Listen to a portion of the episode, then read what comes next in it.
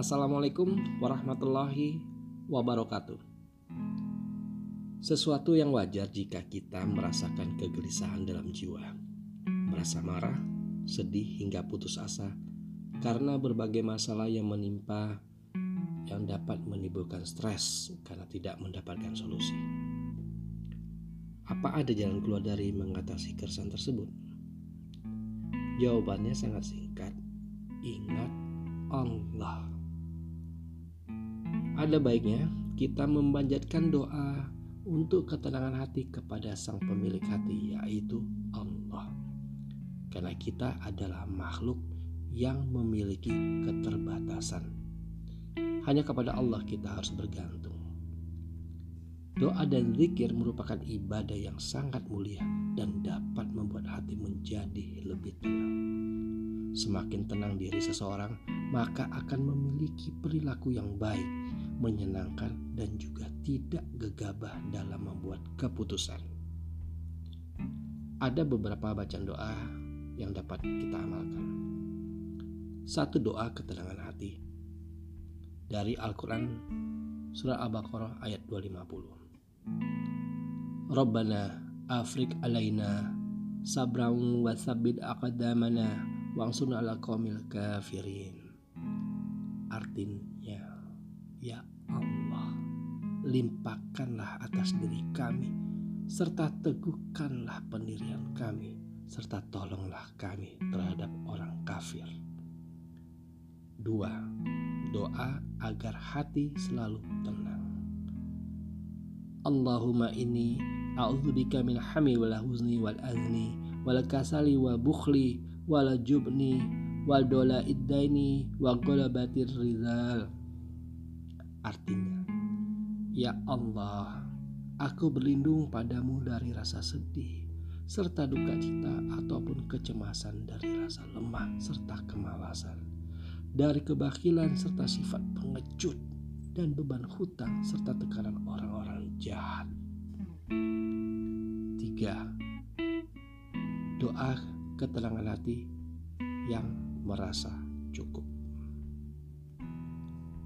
Allahumma inni as'aluka nafsan bika mutmainnah tu'minu biliqa'ika wa taradha biqada'ika wa taqna'u bi ata'ik Artinya, Ya Allah, aku memohon kepadamu jiwa yang merasa tenang kepadamu, yang yakin akan bertemu denganmu, yang ridha dengan ketetapanmu, dan yang merasa cukup dengan pemberianmu diriwayatkan oleh Tabroni.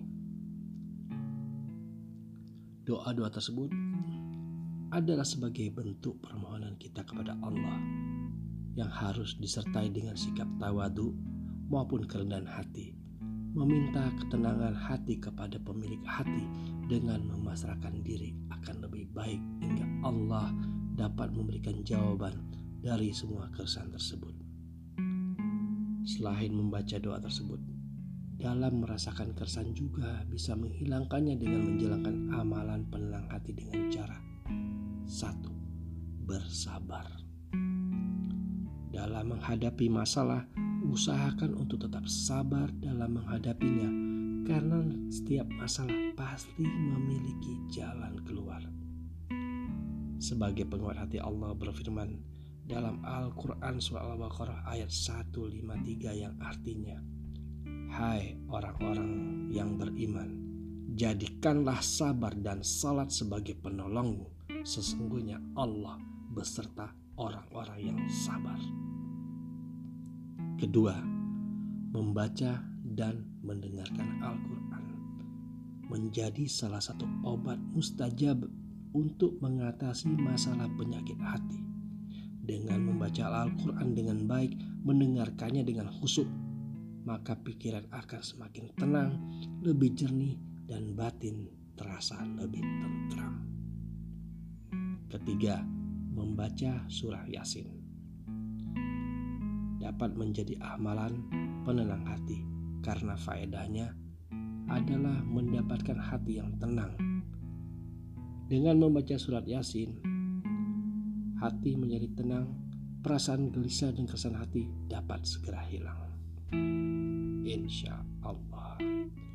Empat, mengerjakan salat tahajud.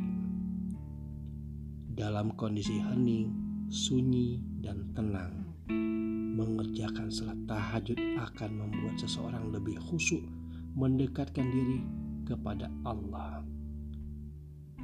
Dalam sebuah hadis yang diriwayatkan oleh Muslim, seorang sahabat bertanya kepada Rasulullah, "Salat manakah yang paling utama setelah salat wajib?" Rasulullah menjawab, "Salat tahajud." 5. Perbanyak istighfar dan zikir. Keduanya menjadi amalan penenang hati apabila sering dilakukan Terdapat dua amalan wirid zikir yang dapat dilakukan agar hati menjadi tenang. Pertama, zikir Hasbunallah wa ni'mal wakil. Dan kedua zikir La haula wa la quwata illa billah. Allah berfirman dalam surat Ar-Ra'd ayat 28 yang artinya yaitu orang-orang yang beriman dan hati mereka menjadi tentram dengan mengingat Allah. Ingatlah, hanya dengan mengingat Allah lah hati menjadi tentram. Dengan sikap tawadu dan memasrahkan diri, memohon keterangan hati pada pemilik hati akan lebih baik hingga Allah dapat memberikan jawaban dari semua keresahan dan kegelisahan dalam jiwa.